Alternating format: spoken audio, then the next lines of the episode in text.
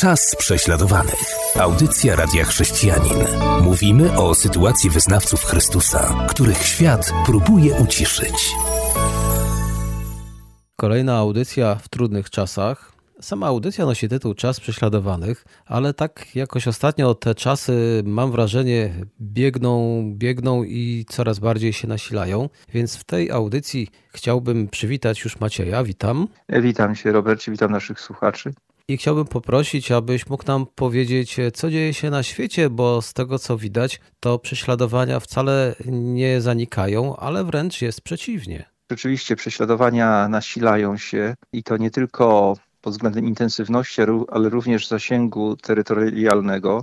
I to nie mówimy jedynie o zwykłym jakimś takim oporze czy niechęci do chrześcijan, bo z tym chrześcijanie spotykają się właściwie wszędzie, gdzie aktywnie wyznają swoją wiarę, ale tu chodzi o takie systemowe, systematyczne zwalczanie aż do śmierci nawet wyznawców Chrystusa. Ale gdy też tak patrzę na otaczający nas świat, to widzę, że te prześladowania chrześcijan wpisują się w szerszy kontekst naprawdę trudnych czasów i myślę, że wszyscy widzimy, co się dzieje wokół nas i łatwo nam nie jest żyć. I dwa tysiące lat temu apostoł Paweł w liście do Tymoteusza, dokładnie w drugim liście, w trzecim rozdziale, w pierwszym wersecie, napisał takie słowa. Wiedz o tym, że w dniach ostatecznych nastaną trudne czasy. Innymi słowy, no, nie przepowiadał jakiejś utopijnej błogości dla nas wszystkich, kiedy to zapanuje pokój i będziemy wszyscy żyli w dostatku, ale powiedział, że w dniach ostatecznych nastaną trudne czasy. I użył słowa wiedz, po grecku ginosko, to znaczy uświadom sobie, dowiedz się, to, to jest wiedza racjonalna, innymi słowy nasz umysł może to zrozumieć, a oczy zobaczyć. No i wystarczy włączyć wiadomości, wystarczy posurfować po internecie, wystarczy rozejrzeć się wokół nas, abyśmy zobaczyli, że czasy naprawdę są trudne. I ciekawe jest to, że Paweł użył słowa, czy też zwrotu w dniach ostatecznych, a zarazem powiedział o trudnych czasach. I, I, można by powiedzieć tak, że te trudne czasy, ten, ten odcinek czasów, jakim przyszło nam żyć, jest podzielony na dni i tak z dnia na dzień żyjemy i coraz bardziej tak żyjemy z dnia na dzień, bo jesteśmy niepewni kolejnego dnia i myślę, że nasi słuchacze się z tym zgodzą, że bardziej niż kiedykolwiek wcześniej nie jesteśmy pewni kolejnego dnia. I tak żyjemy z dnia na dzień i widzimy, że te czasy są trudne, one są ciężkie. Jeszcze parę słów o samym tym słowie trudne, bo ono w języku greckim w Nowym Testamencie pojawia się tylko dwa razy w Nowym Testamencie. Po grecku to jest halepos, trudne, ciężkie, a zatem to są ciężkie dni, ciężkie, ciężkie czasy. I właściwie nikt, kto zna Biblię, ja przynajmniej takich ludzi nie znam, nie ma wątpliwości, że żyjemy właśnie w tych czasach ostatecznych.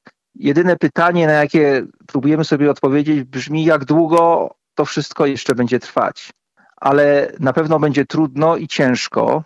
A to drugie miejsce, gdzie występuje słowo halepos, czyli trudno, ciężko, to jest Ewangelia Mateusza, rozdział 8, werset 28. I jest tam mowa o tym, że dwóch opętanych, którzy wyszli na spotkanie Jezusa, byli właśnie bardzo groźni. I tam jest użyte to słowo halepos. I przez analogię, bo Pismo Święte, jeśli zestawia takie dwa słowa, wierzę, że jest natchnione przez Ducha Świętego, to nieprzypadkowo i przez analogię możemy tu pewne wnioski wyciągnąć odnośnie samych tych czasów ostatecznych, w których żyjemy, abyśmy mogli je lepiej zrozumieć. Więc skoro w drugim miejscu, gdzie jest mowa o trudnych czasach halepos, mamy dwóch opętanych, to możemy wnioskować, że w czasach ostatecznych będzie ciężko, bo wzrośnie aktywność demoniczna. Czytamy o nich również, że oni wyszli z grobów, a zatem będzie dużo śmierci duchowej, fizycznej, będzie przeciwieństwo życia, ciemność. Mamy dużo wojen, jest głód w wielu miejscach na świecie, epidemie, zarazy. I też widzimy tutaj, że oni byli opętani przez demony, a zatem podobnie jak Bóg działa przez ludzi, diabeł również działa przez ludzi, a zatem te trudne czasy będą się potęgować, ponieważ wielu ludzi będzie pod coraz bardziej przemożnym działaniem samego diabła diabła i dlatego te czasy będą takie trudne.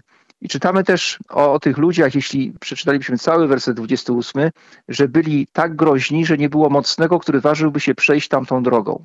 Innymi słowy, zastraszali wszystkich wokół. Czytamy, że o jednym z nich, a prawdopodobnie dotyczy to obydwu, w Ewangelii Łukasza w rozdziale 8, wersecie 27, że nie mieszkał w domu, lecz w grobowcach. A zatem jakieś wypędzenie, dużo uchodźców, trudne bardzo czasy, że duch nieczysty, legion, czyli dobrze zorganizowany duch nieczysty go opętał, a zatem będą to nieczyste czasy, będzie dużo nieczystości, która będzie też wzmacniana demonicznie. i nikt nie mógł tego człowieka utrzymać pod strażą, w łańcuchach, w pętach. On wszystko rozrywał i gnany przez demona uciekał na pustynię. Czytamy też, że krzyczał i ranił się kamieniami, a zatem w tym jego szale była też samodestrukcja, bo ten, kto czyni zło, również sam temu złu ulega i sam jest przez nie niszczony. I widać, że tutaj te łańcuchy pęta dla mnie to jest taki obraz tych wszystkich układów międzynarodowych, prawa międzynarodowego, które teraz jest nagminnie łamane, nikt się tym nie przejmuje, jakichś sojuszy, prób ograniczenia działania zła, to wszystko gdzieś pęka na naszych oczach, tak?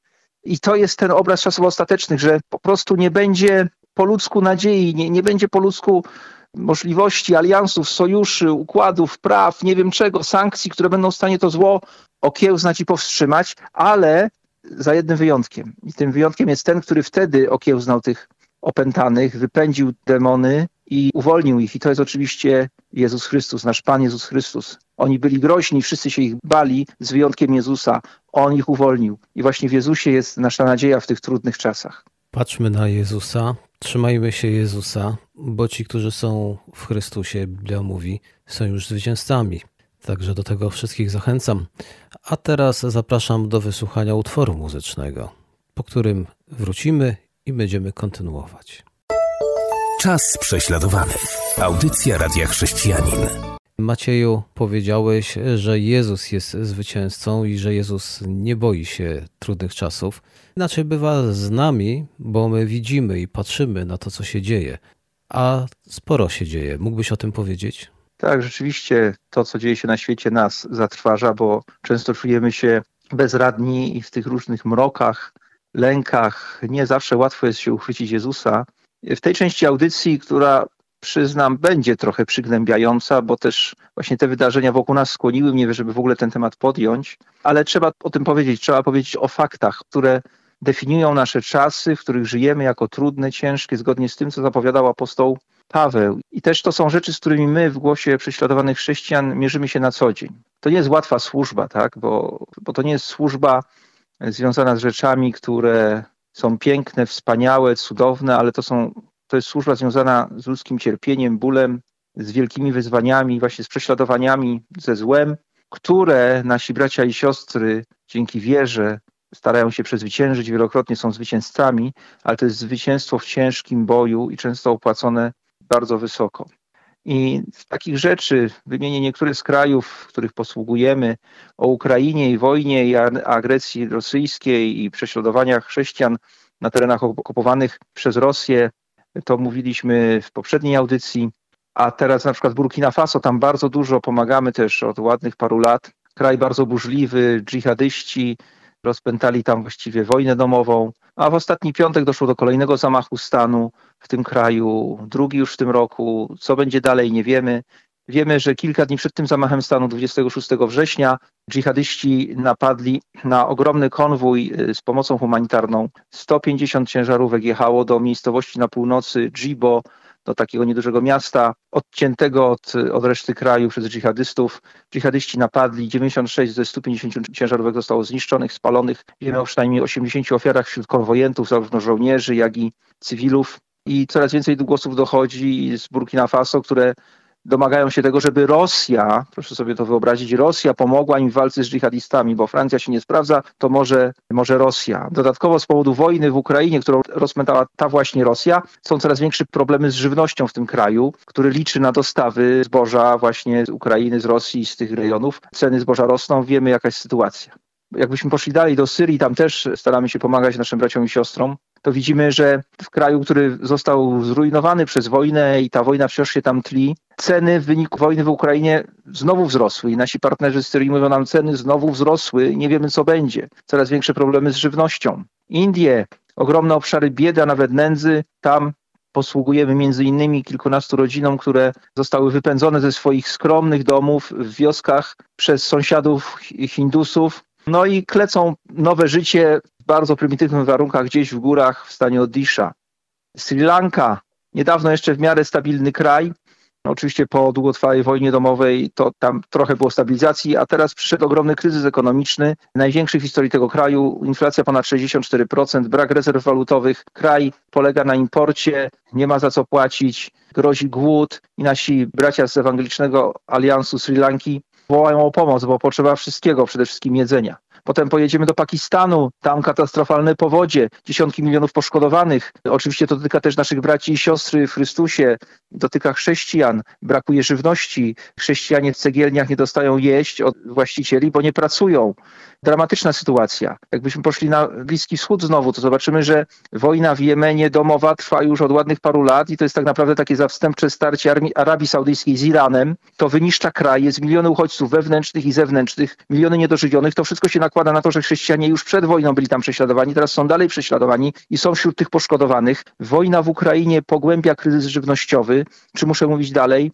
staramy się pomagać, ale nasza pomoc to jest kropla w morzu potrzeb. A gdybyśmy znowu zrobili wielki skok na Daleki Wschód do Chin, to zobaczymy, że w Chinach ucisk chrześcijan się wzmaga. Komuniści chińscy dążą do dominacji w regionie, grożą Tajwanowi, też nie wiadomo co tam będzie.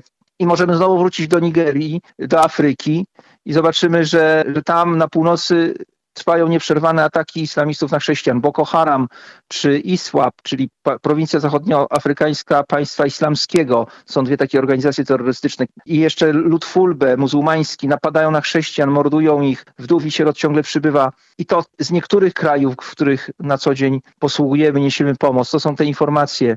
Powiedziałem, że będzie przygnębiająco. Mnie to przygnębia. Same te fakty mnie przygnębiają ale obiecuję, że w trzeciej części tej audycji będziemy podniesieni na duchu. W takim bądź razie czekamy na trzecią część, słuchając utworu muzycznego. Czas prześladowany. Audycja Radia Chrześcijanin. Witam w trzeciej części. W drugiej usłyszeliśmy w dużym skrócie o tym, co dzieje się w kilku krajach. Takich krajów, gdzie chrześcijanie są prześladowani i jest źle, jest znacznie więcej. Ale obiecałeś Macieju, że teraz będą jakieś słowa pokrzepienia. To słucham Ciebie uważnie i zapewne nie tylko ja. Zanim przejdę do słów pokrzepienia, chciałbym prosić naszych słuchaczy o to, by modlili się za nas w głosie prześladowanych chrześcijan, bo tak już wspominałem, te rzeczy, charakter naszej służby, te różne informacje naprawdę nas obciążają. Nie jest łatwo, obciążają naszych pracowników, wolontariuszy, jak również, a może przede wszystkim naszych partnerów w krajach, w których posługujemy. I moja prośba jest taka, abyśmy za tym, czego naucza nas Ewangelia, mieli taką wewnętrzną siłę, motywację do tego, by uchwycić się nadziei, jaką daje Pismo Święte, aby te informacje nie przytłoczyły nas tak bardzo, że nie będziemy widzieć nadziei. Czego też życzę wszystkim naszym słuchaczom, właśnie uchwycenia się tej nadziei, o której mówi Pismo Święte, którą przyniósł Jezus. I dosłownie chyba dwa dni temu rozmawiałem z jednym z ukraińskich chrześcijan, który razem z rodziną uciekł z Białej Cerkwi. To jest takie miasto niedaleko Kijowa. Minionej nocy zostało zbombardowane przez drony prawdopodobnie produkcji irańskiej. I on jest bardzo oddany Bogu, był kiedyś narkomanem, Bóg go uwolnił, nawrócił się, ma potężne świadectwo. Razem z żoną służyli w swoim kościele Białej Cerkwi. Gdy wybuchła wojna, musieli uciekać z małymi dziećmi mają ich czworo. I tu w Polsce on też włącza się w ewangelizację. Słyszałem jego świadectwo i właśnie po raz kolejny to świadectwo na jednej z ewangelizacji dzielił się nim niedawno i gdy rozmawialiśmy, powiedział mi, wiesz, powiedziałem to świadectwo, ale w ogóle żadnej radości nie czułem. I ja zrozumiałem, o co mu chodzi, tak? No po prostu jest przytłoczony tym, co się dzieje i myślę sobie, co mu odpowiedzieć, tak? Przecież nie mogę jakiegoś frazesu chrześcijańskiego rzucić człowiekowi, który jest w tak trudnym położeniu, i powiedziałem takie słowa, wiesz, to nie jest czas radości, ale czas nadziei. Innymi słowy, nie zawsze będziemy odczuwać radość, ale zawsze możemy mieć nadzieję. Nawet jak z powodu tego, co dzieje, wokół, dzieje się wokół nas, o jakiejś radości wewnętrznej, o, która miałaby nas gdzieś uskrzydlać, właściwie nie ma mowy. I myślę, że wszyscy ci, którzy przeszli przez traumatyczne doświadczenia, czy przechodzą przez takie doświadczenia, wiedzą dokładnie o czym mówię. I my z tego rodzaju doświadczeniami naszych braci i sióstr stykamy się od samego początku naszego działania w Głosie Prześladowanych Chrześcijan, już prawie 20 lat. Właśnie z tym, że jest czasami tak, że po prostu zwyczajnie nie da się czuć radości, ale można uchwycić się nadziei. I tej lekcji właśnie uczymy się od prześladowanych chrześcijan. I na zakończenie tej audycji chciałbym przytoczyć trochę wersetów, które, gdy tak modliłem się przed tą audycją i tak przewracałem karty Biblii, tak szczególnie do mnie przemówiły. I najpierw pierwszy list do Tesaloniczan, rozdział czwarty, werset trzynasty, Paweł mówi tutaj tak. Nie musicie się smucić jak ludzie bez nadziei. Innymi słowy tak, Smutek będzie wam towarzyszył i ten smutek może być czasami dojmujący, tak bardzo, że niczego już nie będziecie poza tym smutkiem czuć. Ale nie musicie tego robić jak ludzie bez nadziei. Zawsze możecie mieć nadzieję, nawet w smutku. W liście do Efezjan, rozdziale pierwszym, wersecie 18, Paweł modlił się o to, aby oczy naszych serc zostały oświecone i abyśmy zobaczyli, jaka nadzieja wiąże się z naszym powołaniem. Byśmy, abyśmy zrozumieli, czym jest nasza nadzieja. W liście do Rzymian, rozdziale 15, wersecie 13, Paweł napisał tak, a Bóg nadziei, tak nazwał naszego Boga, mamy Boga nadziei. To jest niesamowite, że nasz Bóg się tak przedstawia jako Bóg nadziei. Niech was napełni największą radością i pokojem w wierze, abyście opływali w nadzieję w mocy Ducha Świętego. Innymi słowy, możemy opływać w tę nadzieję. Chociaż po ludzku z okoliczności naszych nie możemy czerpać właściwie nic poza smutkiem, niepewnością. I w pierwszym liście do Tymoteusza w rozdziale pierwszym, w wersecie pierwszym Paweł zdefiniował tę nadzieję. Chrystus Jezus, nasza nadzieja. A w liście do Kolosan w rozdziale pierwszym, wersecie 27 dodał Chrystus w was nadzieja chwały. A zatem ta nadzieja nie jest gdzieś daleko. Dzięki temu, że nawróciliśmy się, że jesteśmy wierzący, w nas zamieszkuje sam Chrystus przez swojego ducha i On sam jest nadzieją chwały.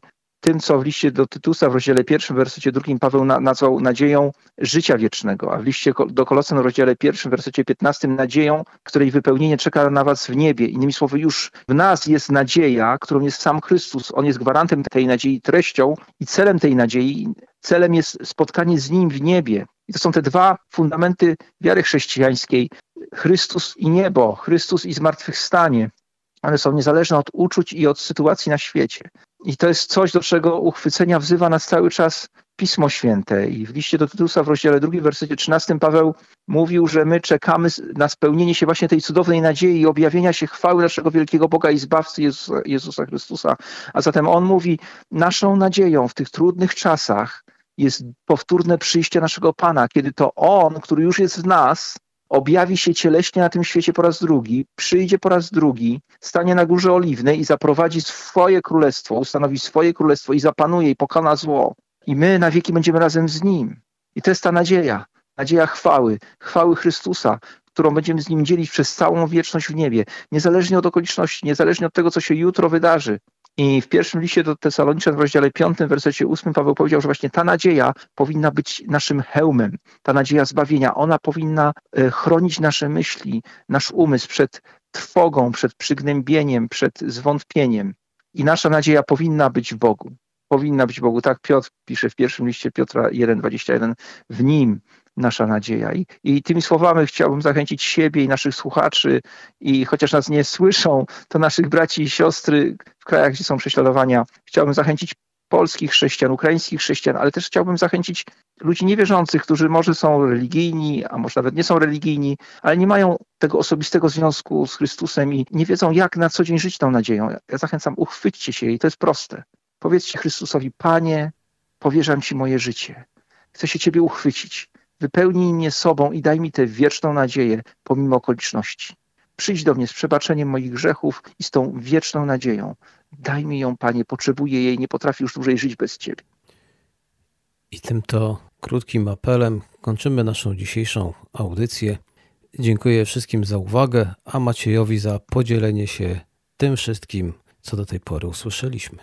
Ja również dziękuję naszym drogim słuchaczom za uwagę, błogosławię ich wszystkich Dziękuję również Tobie błogosławię Ciebie i Twój dom. Oby nasze domy zawsze służyły Panu. Dziękuję. Do usłyszenia. Do usłyszenia. Była to audycja Czas prześladowanych.